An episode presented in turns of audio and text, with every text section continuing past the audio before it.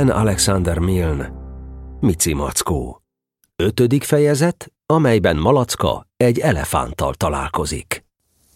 Egy napon, mikor Robert Gida és Mici Mackó és Malacka egyszerre beszéltek össze-vissza mind a hárman, Robert Gida lenyelte a falatot, amivel tele volt a szája, és egész közömbösen megjegyezte. Ma láttam egy elefántot, Malacka. Mit csinált éppen? kérdezte Malacka. Csak úgy kószált. Mondta Robert Gida. Azt hiszem nem látott meg. Én is láttam egyszer. Mondta Malacka. Legalábbis azt hiszem, ő volt az, de lehet, hogy nem ő volt. Én is. Jegyezte meg Mici Mackó, és azon tűnődött, mi lehet az, hogy elefánt. Általában ritkán látható. Mondta Robert Gida könnyed modorban. Mostanában. Tette hozzá Malacka. Ö, ebben az évszakban. Fejezte be Mackó. Aztán másról beszéltek, még csak el nem érkezett az ideje, mikor Malacka és Mackó haza szoktak menni.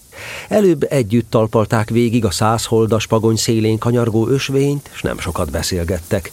De mikor a patakhoz értek, s átsegítették egymást a köveken, s a sövény szélén egymás mellé kerültek, barátságos eszmecsere indult meg erről, amarról, s ennek során Malacka így szólt.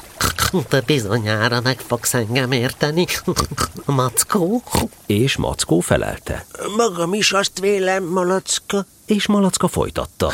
De másrészt, Mackó, ne felejtsük el, Mire Mackó? Igazad van, Malacka. Én is csak egy pillanatra felejtettem el. S ahogy így elérték a hét fenyőfákat, Mackó körülnézett, hogy vajon nem hallgatózik-e valaki, s aztán ünnepélyesen megszólalt. Malacka, elhatároztam valamit. mi, mit, Mackó? Elhatároztam, hogy fogok egy elefántot. Mackó többször önérzettel megbiccentette a fejét, míg ezt mondta, s arra várt közben, hogy Malacka megkérdi, de hogyan, vagy kételjeinek ad kifejezést, vagy egyáltalán szól valamit. De Malacka nagyon restelte, miért nem neki jutott először eszébe az ötlet. Én megteszem, Mondta Mackó egy idő múlva, miután hiába várt. mégpedig csapdával. S mert nagyon furfangos csapdára gondolok, segítségemre kell lenned, Malacka. Mackó, Mondta Malacka most már megint egészen boldogan. én segíteni fogok. De hogy fogunk hozzá? Hazám, hogyan? mondta Mackó, és most leültek gondolkodni.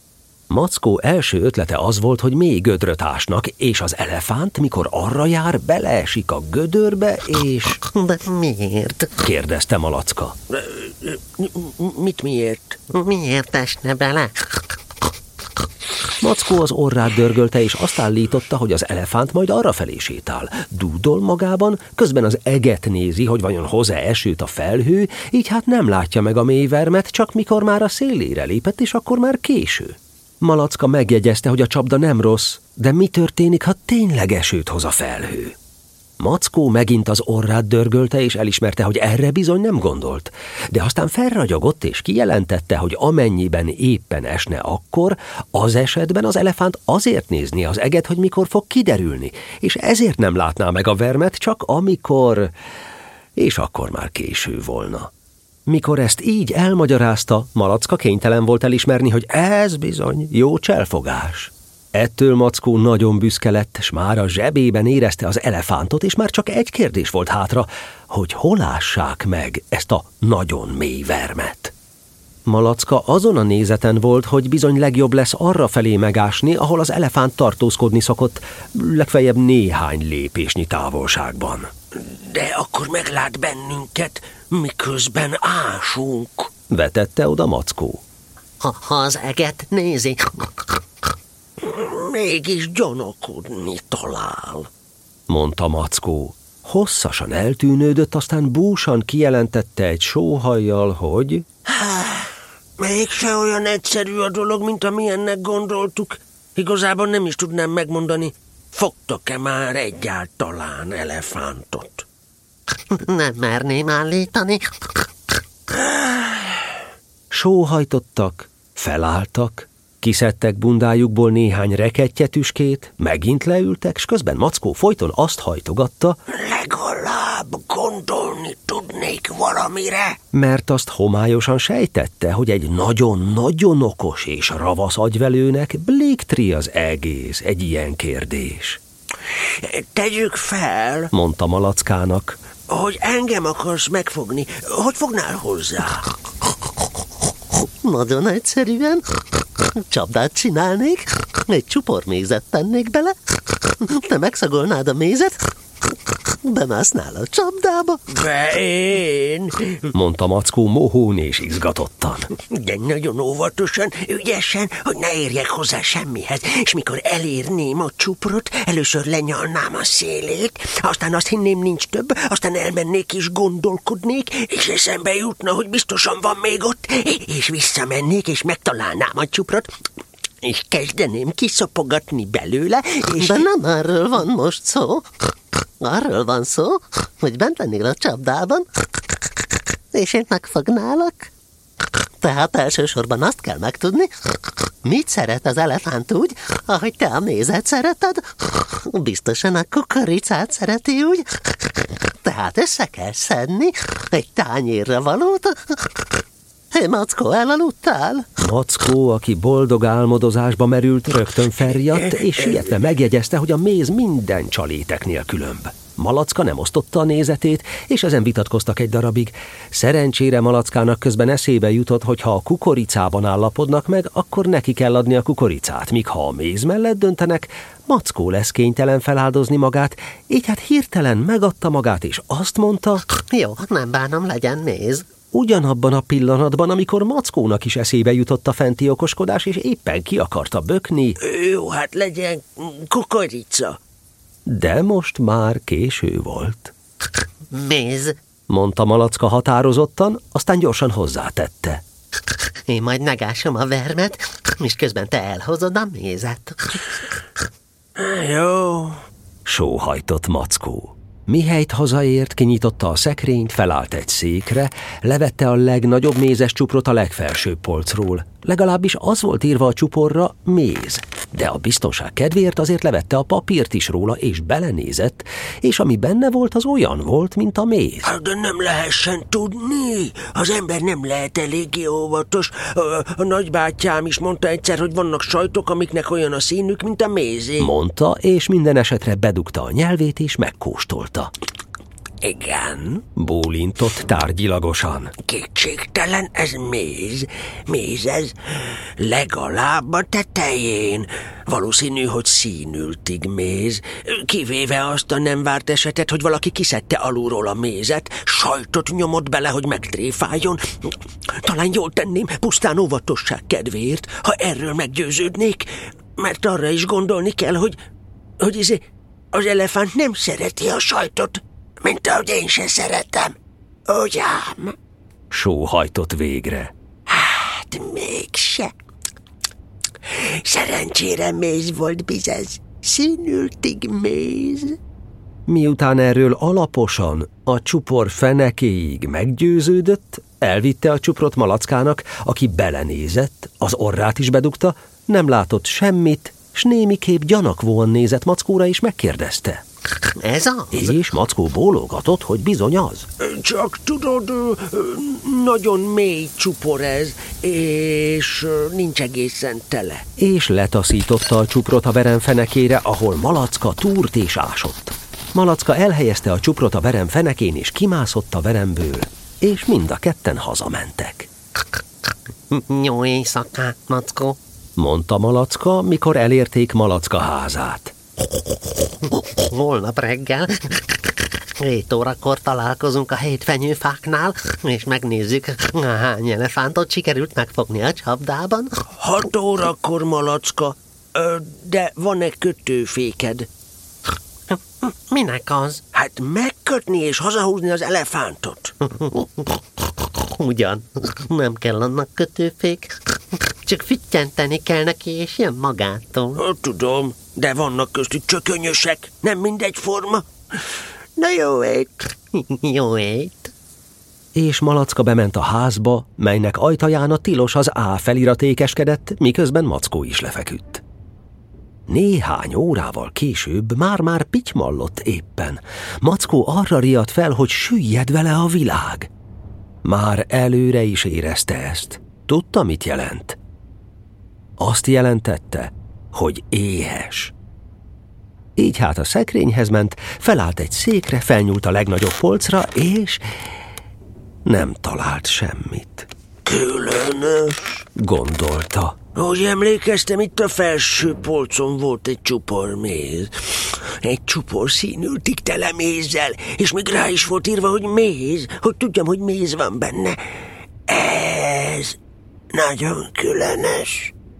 És tűnődve járkálni kezdett, azon törve a fejét, hová lehetett a méz, és közben dudorászott.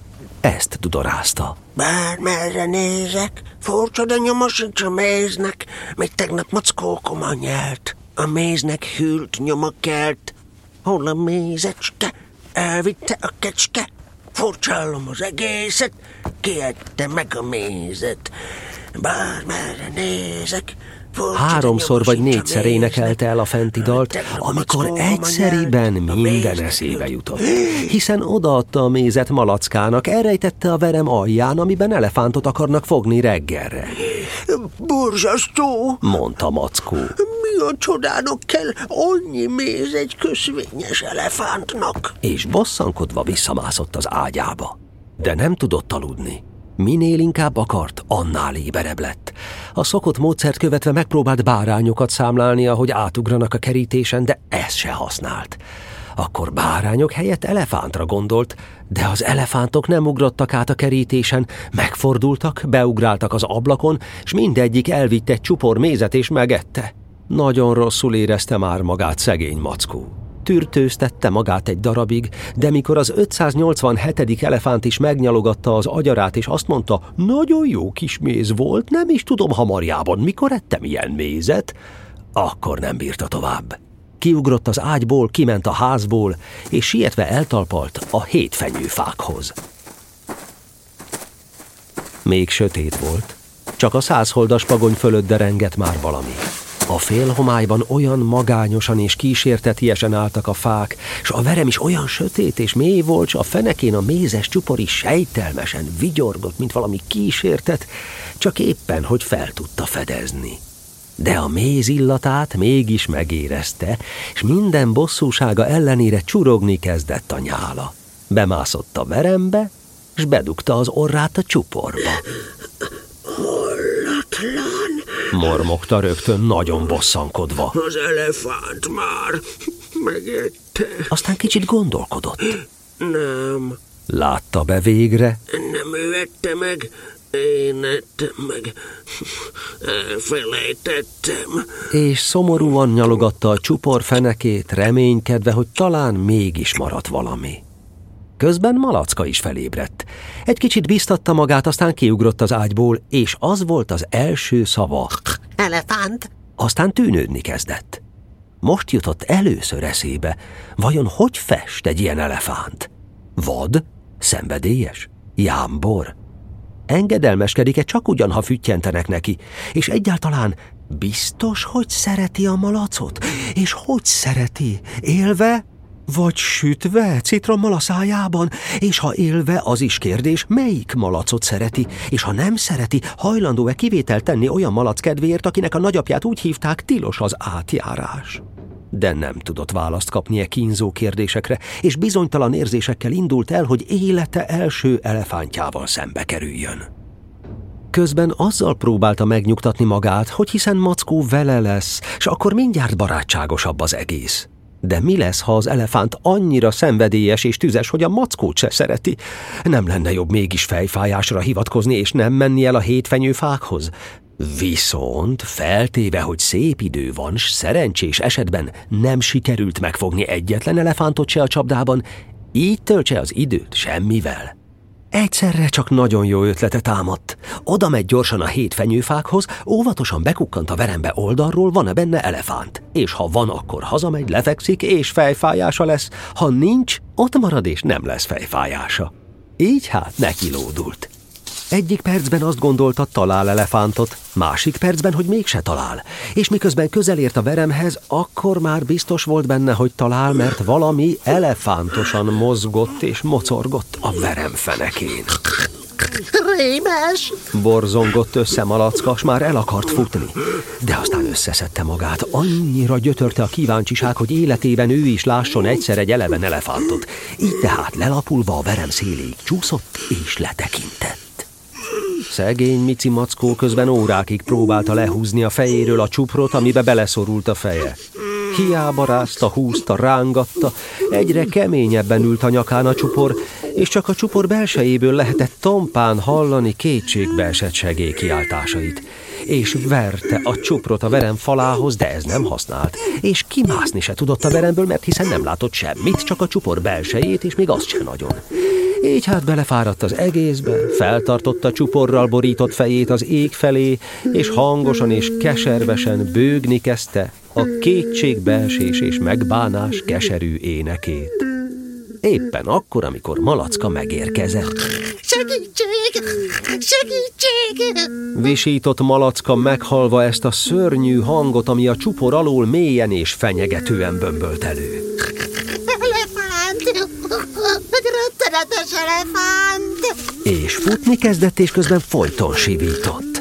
Elefánt! Elefánt! Segítség! S nem is hagyta abba a visítást, míg Robert Gida kunyhójához nem ért. Mi az, Malacka, az Istenért? Ugrott ki az ágyból Robert Gida. Ele... Bele... Tele... Elefánt! Lihegte Malacka. Merre? Arra! Lihegte Malacka, de csak integetni tudott. Hogy néz ki? Olyan, olyan, mint a rémes. Akkor a feje van, hogy írtózatos. Nem lehet semmihez hasonlítani. Mint valami rettenetes nagy semmi. Mint egy eleden fazék, vagy lábos, vagy csupor. Na jó, Mondta Robert Gida, és felrántotta a cipőjét. Elmegyek és megnézem. Gyere velem, mutasd meg az utat. Malacka már egy csöppet se félt, tekintettel Robert Gidára, és így sietve elindultak. Én már hallom. Nem hallod? Mondta Malacka aggódva, mikor közelbe értek. Valamit hallok. Mondta Robert Gida. Mackó volt az, aki egy kiálló gyökérhez csapkodta a csuprot a verem fenekén. Itt van. Mondta Malacka, Nézd, milyen félelmetes. és odasimult Robert Gidához félelmében. És akkor Robert Gida nevetni kezdett. És nevetett. És kacagott. És könnye is csurgott. Egyszer csak nagyot recsent valami a veremben. Vastag gyökéren elpattant a csupor, és Mackó feje előkerült a cserepek közül. És Malacka megértette, milyen hóbortos malacka volt ő, és nem szólt senkinek. Egyenesen hazament és lefeküdt, és kijelentette, hogy nem fogad senkit, mert a feje fáj. És Robert Gida és Mackó kettesben mentek Robert Gida kunyhójába reggelizni. Ó, te csacsi mackó, Mondta Robert Gida. ha tudnád. Tudom. Mondta Mici Mackó, és úgy érezte, csak ugyan tudja.